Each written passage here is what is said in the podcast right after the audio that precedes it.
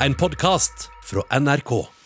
I forrige episode av Etikketaten så hørte vi prest Tor Håvik, kjent fra Farmen, den kjente radiostemma og TV-fjeset Sara Natasha Melby og psykolog Åsta Snell. Og som alltid, gjestene oppgave er å diskutere dilemma som det hadde sendt inn til Etikketaten, krøllalfa nrk.no. Nå skal du få del to, og dilemmaet er fins det akseptabel utroskap?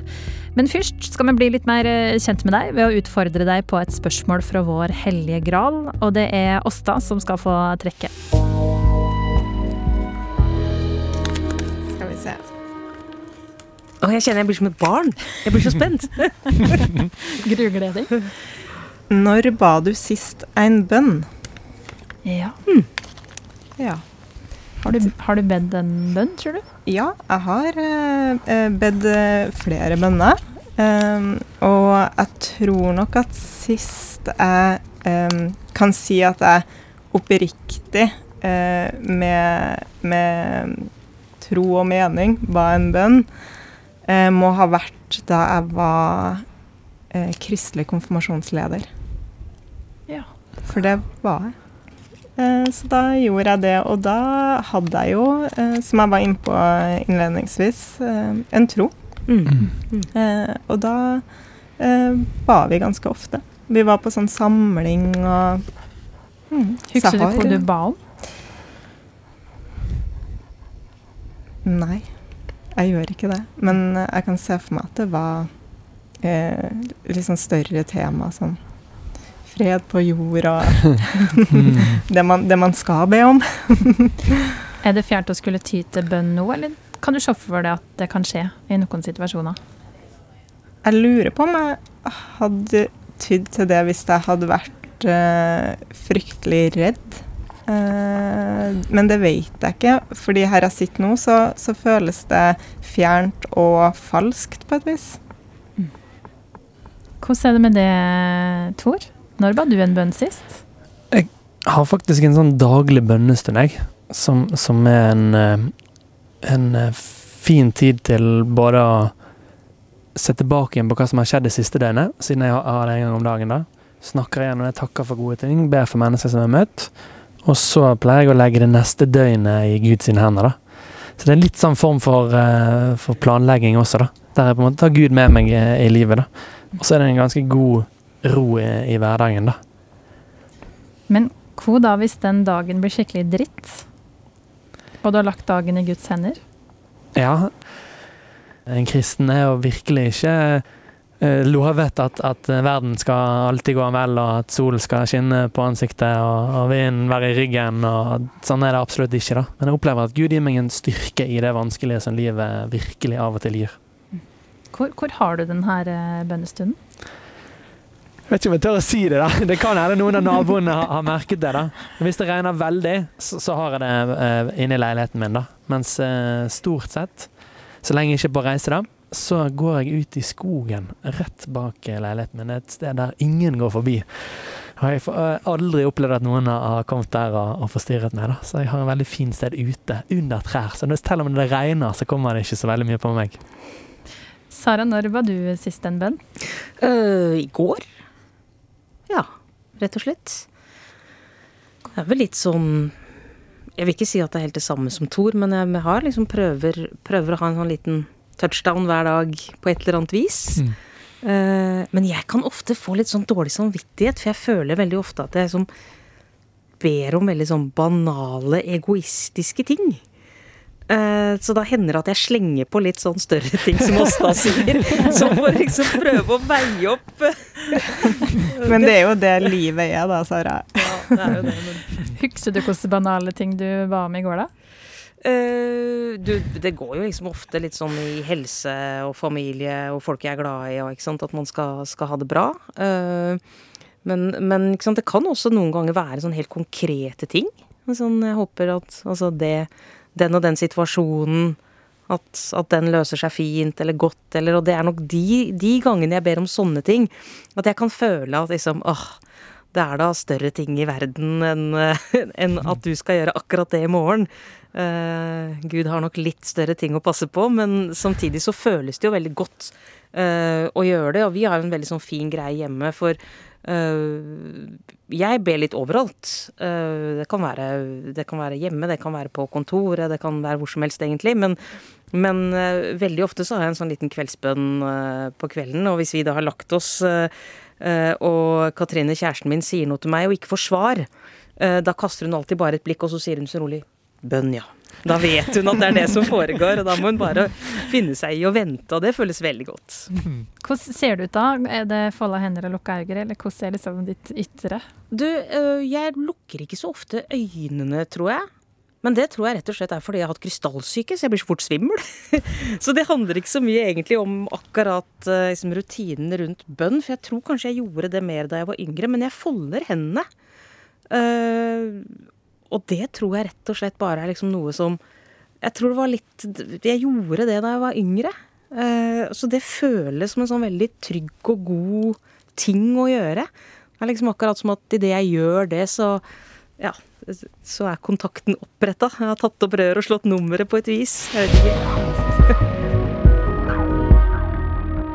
Nå skal vi inn i et stort og vanskelig spørsmål her i Etikketaten. Det skal handle om uh, utroskap. Men først tenkte jeg å ta en kjapp runde på sivilstatus. Åsta Snell, psykologen her, er du et forhold? Ja, i et uh, avstandsforhold. Avstandsforhold. Um, Sara Natasha Melby, TV-fjeset og radiostemma i forhold? I et Hva blir det motsatte? Tett på-forhold. du, du, er aleine i studio nå, tror jeg. Det er ikke så tett på. Nei, så tett på er det ikke. Um, presten Tor Øvik, hvordan er det med det? Jeg har kjæreste, da. Kjæreste. Jeg er sammen med Julie. Ja, ulike varianter her, men alle i forhold. Um, her kommer også spørsmålet fra Christian, som han sendte oss på um, e-post til etikketaten krøllalfa nrk.no. Hei. Jeg og partneren min sitter nå etter å ha lagt tre barn og diskuterer et dilemma som jeg gjerne hører Tikketaten sine tanker rundt. Er utroskap helt utilgivelig, eller kan det tilgis? En vil jo gjerne at familien skal holde sammen. Hvor går grensa for akseptabel utroskap? Helsing Christian. Jeg har lyst til å bore litt mer i det her med tilgivelse. Hvor, hvor legger du i det, Tor? Ja, tilgivelse, det tenker jeg det betyr jo eh, Kanskje ikke alltid det som man tenker at det man legges i det. da. Det betyr jo ikke at uh, man glemmer uh, det som har hendt, eller at man, at man sier at det er greit, det som skjedde. Men tilgivelse betyr egentlig veldig enkelt å, å la noe fare, da. Og, og, og når man når man tilgir noen, så tror jeg at det ofte er veldig godt for en sjøl, da. Eh, at man gir slipp på det naget og, og, og, de vonde tankene man kanskje har om en person. Men hvor ville du da eh, sagt til en person som hadde behov for Guds tilgivelse etter utroskap, som prest? Ja, altså hvis det hadde kommet en person til meg som virkelig hadde kjent at han at han trengte tilgivelse, da, så er jo tenker det er en av de viktigste tingene i forhold til å kunne gjenopprette eh, noe veldig vondt, er jo nettopp å erkjenne anger. Eh, og vise at, eh, at, man kjenner stor sorg over det man har gjort. Og at man kanskje ser også hva konsekvenser det får for andre. Jeg husker jeg var i Frankrike og gikk til sånn bekjennelse sjøl. Det hadde jeg aldri gjort, og det syns jeg det er så dumt at ikke vi har i Den norske kirken. Og så sa han presten at når man får tilgivelse, så forandrer det både fortiden og også framtiden.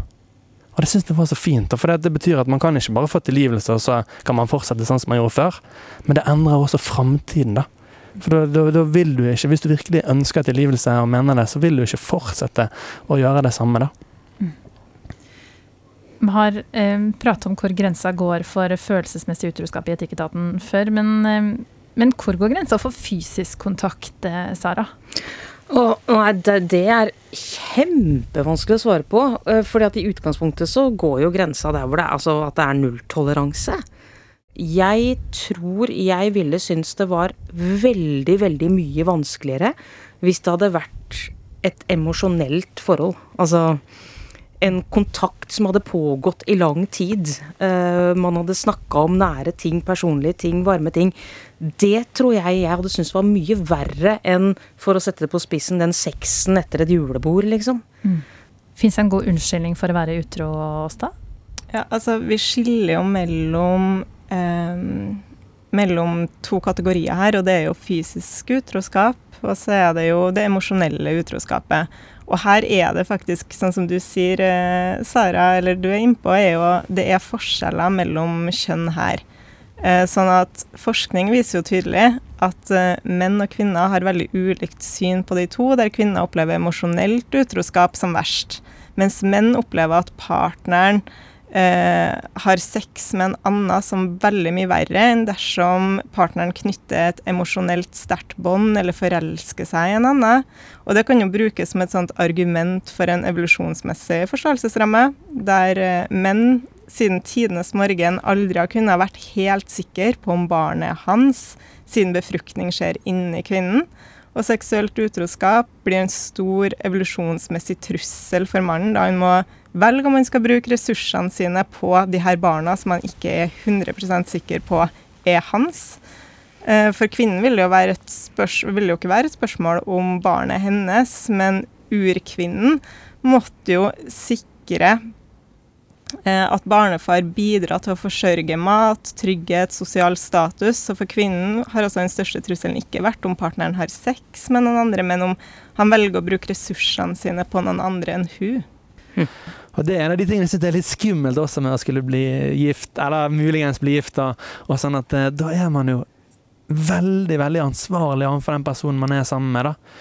Og, og, og jeg vil jo tenke at man sier ja til den personen mer enn karrieren sin, mer enn fritiden sin, altså mer enn en interesser og sånn, da. Det, det vil Ja, hjelp meg, Gud, da. Det må være min første prioritet jeg, hvis jeg havner i et ekteskap. og som kjæreste. ja. men, eh, men, Sara, hvis, med, hvis et uh, utroskap har uh, forekommet, tenker du at det, det må tilgis for at en skal kunne holde sammen? Ja, vet du det, Altså, vanskelig, men vet du det tror jeg nesten. Uh, fordi at jeg tror man i så fall liksom aktivt uh, må ta det standpunktet og si at jeg velger å tilgi for å i det hele tatt komme videre. Uh, med en tilgivelse så følger det også en del forpliktelser og en del konsekvenser. Og jeg tror nesten man er nødt til å gå dit hvis man skal komme videre skikkelig videre. Altså hvis ikke noen, noen uh, kaller det noe annet enn tilgivelse, men at det i hvert fall må en, en, samtale til der man bestemmer seg for hvordan man skal håndtere dette videre. Og at man på et eller annet vis uh, er ferdig med det, enda så rart det høres ut. Det tror jeg man er nødt til. Kristian spør altså om hvor går grensa for akseptabel utroskap? Fins det akseptabel utroskap, eh, tenker du, Åsta? Jeg tror det er så individuelt fra forhold til forhold. Um, det viser seg jo at uh, mekanismene bak det å tilgi utroskap uh, er ganske like, uh, både for kvinner og menn, selv om måte det vi opplever som verst, er, er, varier, er, er forskjellig. Da. Så at vi bearbeider eh, partners utroskap ganske likt, og graden av tilgivelse viser seg faktisk å ikke være knytta til type utroskap igjen. da. Sånn at det visst, eh, Forskerne har nå funnet at det er to faktorer som avgjør om et forhold tar slutt eh, etter utroskap. Og det ene er i hvor stor grad den bedratte ser på utroskapen som en trussel for livet videre sammen. Eh, og den andre faktoren er hvor stor skyld du som bedratt mener at uh, den utro part har hatt. Uh, men sistnevnte, det her med skyld, det, det, gjelder ikke hvis sex er involvert. Så har du hatt sex med noen andre, så blir du som regel betrakta som skyldig. Mm -hmm. uh, men selvfølgelig, enhver reagerer jo til syvende og sist ulikt på utroskap, avhengig av personlighet og omstendigheter. Og det kommer vel til syvende og sist ned til hva de to individene i det forholdet kan leve med. Altså det er vel individuelt hva som er akseptabelt eller ikke. Men hvor går grensa for deres del? Jeg tror det kommer an på um, hva vi har snakka om og er enige om. Um, og det kan jo, da kan jo grensa uh, gå altså, nesten hvor som helst. Uh, så lenge vi på en måte er enige om at, uh, at det her er greit, eller det her er ikke greit. Ja, Men er det utroskap da, da? Ja, godt spørsmål. Da er det vel ikke det. Etter min definisjon. Nei, ja. sant. Mm, Men jeg har har møtt meg sjøl i døra der. Men har det tatt den praten med partnerne deres da, Sara, f.eks.? Nei, jo, selvfølgelig, altså, men, men ikke noe mer inngående enn at det, det er ikke akseptabelt. Eh, og så vet vi jo, og har selvfølgelig også snakka om at det, det er så lett å sitte og si det, da, når eh, vi har bestemt oss for at det er ikke en del av vårt forhold, eh, og vi har det bra. Så er det faktisk veldig vanskelig å liksom begynne å tenke seg disse liksom, tenkte situasjonene. Hva hvis, hva hvis? Eh, og det er jo litt sånn, Nå vet jo ikke vi bakgrunnen for at Christian stiller spørsmålet, og hva som er bakgrunnen for at de sitter og diskuterer det. Men jeg tenker i hvert fall som et råd at hvis, hvis det ikke ligger noe annet bak den diskusjonen enn at dere tenker at det kan være fint å liksom bare vite litt hvor, hvor vi står, og hva, hva, er, hva er definisjonen, og hva er grensen, så tenker jeg don't go there. altså ikke, ikke sett noe sånn målbar enhet på hva som er akseptabel utroskap. Fordi at du aner ikke hva som skjer hvis det da skjer, og det å flytte grenser, det vet vi at altså vi mennesker er skapt sånn at vi flytter gjerne grenser hvis vi allerede er i gang med noe. Så jeg tenker liksom Ikke, ikke, ikke begynn å si sånn det er greit, men ikke det. Med mindre man må. Uh, og så tror jo jeg bare, i hvert fall for min egen del eh, jeg, jeg tør ikke å si jeg, hvordan jeg hadde reagert i en sånn situasjon. Og hva jeg hadde tilgitt, hva, hva som hadde gjort det mulig for meg å, å gå videre etter noe sånt. Altså, jeg tenker at viktige faktorer må jo være måte, hva utroskapen springer ut fra, først og fremst. Altså hvordan var forholdet i oppløpet til den aktuelle utroskapen. Noen forhold kan jo være utbrent eller dårlig på sett og vis. Og en handling som det her kan jo være med på å føre til en slags oppvask eller opprydning der man ikke nødvendigvis trenger å komme negativt ut av det. Ikke at jeg selvfølgelig ville anbefalt det som en sånn parterapeutisk intervensjon, men det kan jo bli en start på et bedre kommunikasjon for de enkelte, da, der man må jobbe med dialog, forståelse, eller at man slutter å ta hverandre for gitt, sette mer pris på hverandre, dersom man finner ut at man ønsker å være sammen. Og da er vi litt inn på det her opprydningsarbeidet. Eh, der jeg tror at for at man skal kunne komme seg videre, så må man tåle at demonene skal drives ut dersom man skal kunne heles. Da. Eh, eksempelvis at den som Religiøs, syns jeg. Ja, ja. Ja, ja nå hørtes jeg litt religiøs ut. Ja. Altså eksempel at den som har vært utro, må nok tåle at eh, å, å akseptere eh, alle mulige slags spørsmål, og at man igjen og igjen må betrygge eller bevise seg som pålitelig igjen. Og da blir jo spørsmålet vil den utro part stå i det? Er forholdet verdt? Eh, og det er vel en forutsetning at den andre parten også har som intensjon og ønske å tilgi, eh, men samtidig også at denne personen må få for, altså vil ha behov for å bli møtt på utryggheten som har oppstått, og at alle reaksjoner og følelser rommes kanskje i lang, lang tid etter det som har oppstått. Mm. Men hvis vi ikke skal liksom sette noen sånne konkrete grenser, det er ikke sånn OK, én klem er greit, men ikke to, Um, betyr det at det er liksom vårt indre kompass som skal være såpass eh, godt justert at en skjønner hvor grensa går uten å måtte sette den fysisk, Tor? Tenker du at alle, alle kjenner egentlig hvor grensa går? Bare ja og nei, da. Jeg er veldig enig med det som Sara sier. at um, eller en, en regel eller en ting som jeg og Julie har snakket om, det, er at eh, hvis det er noe vi syns er vanskelig å fortelle til hverandre, eh, da vet vi at OK, da skal vi ikke gjøre det, da. Eh, det, det føler jeg er en sånn god, eh, god eh, rettesnor. Hvis, dette, hvis jeg tenker at dette kommer til å bli litt vanskelig å fortelle til Julie, eller dette må jeg kanskje fortelle på en litt annen måte til henne, så er det en ganske god indikator på at OK, nå, nå gjør jeg noe som, som jeg tror at hun ikke vil synes er greit. Og, og det er òg et litt sånn ekteskapstips som man, som man gjerne også gir, at, at før man gifter seg, hvis det er noe man tenker at man burde fortalt den andre, ja, da bør man faktisk gjøre det før man, før man gifter seg. Så det som er ikke tåler dagens lys, er kanskje grenseoverskridende? Det var en god, god konklusjon. Ja. Så det er en ekteskapsrådgiver disse politikerne våre burde hatt, egentlig. altså. En sånn bedre vetting fra start. eh, er, det noe, er det noe vi burde vite? Har du noen svin på skogen? Ja. De bør ut. Men det er utrolig, altså det er så vanskelig å lykkes både på hjemmebane og på bortebane, da. Og der tror jeg vi i vårt samfunn må, må rett og slett eh, si til oss sjøl at det er hjemmebane som, som er der man til syvende og sist har mest gleder, eh, der man setter størst spor og betyr mest for mennesker. Så, så la oss være gode eh, partnere og ektefeller. Helt til slutt så skal dere få et eh, bonusspørsmål. Dere Er det skal, få ett et, er det et spørsmål til? dere skal få et kort reisedilemma. Er dere klar for det? Ja, ja. Det var veldig gøy, dette her. Det var, det, det var skikkelig gøy. Er det samme tid neste uke? Hvordan var det? Fikk vi, fikk vi innkalling, eller? Her er det korte reisedilemma.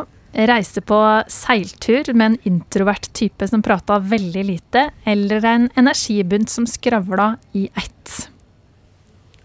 Å, den er kjempeenkel. Er den? Ja. Hvem For velger du? meg er den veldig enkel. Jeg vil ha den stille introverte på seiltur, ja. Selvfølgelig. Hav, ro, seil, nyte, kose seg.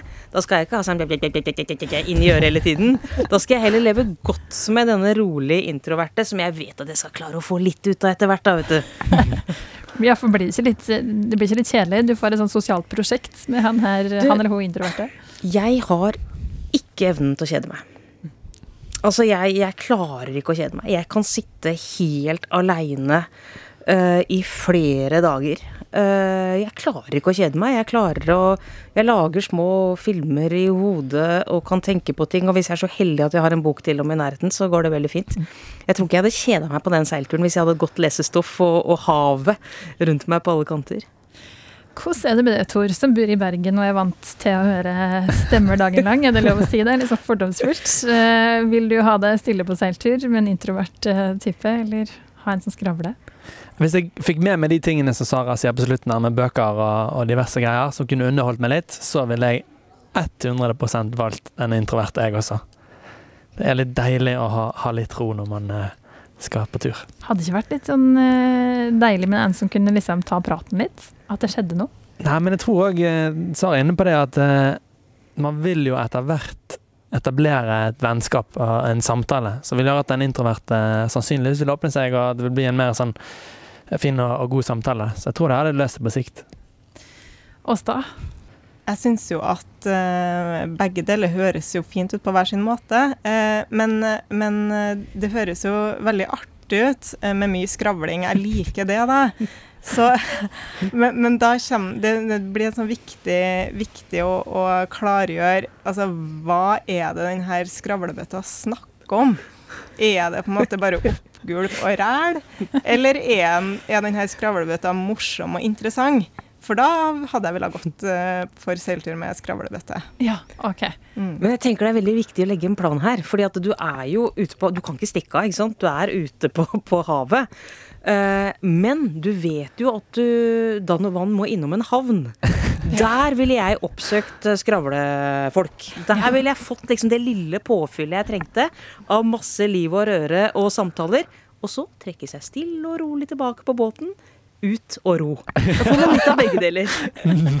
Men hadde du konkurrert med denne her skravlebøtta da, hvis han prata om litt interessante ting, eller kunne du liksom latt han eller hun stått for showet? Nei, jeg er veldig glad i å, å delta i praten, ja. Det blir en høylytt seiltur. Ja.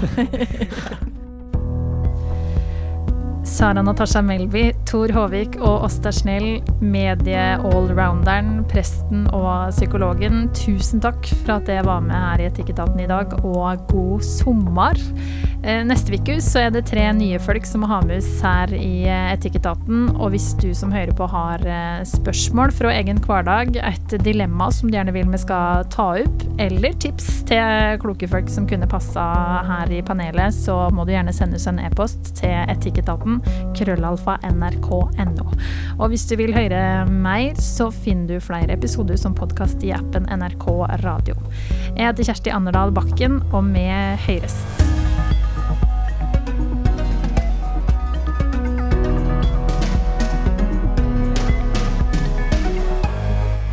Du har hørt en podkast fra NRK.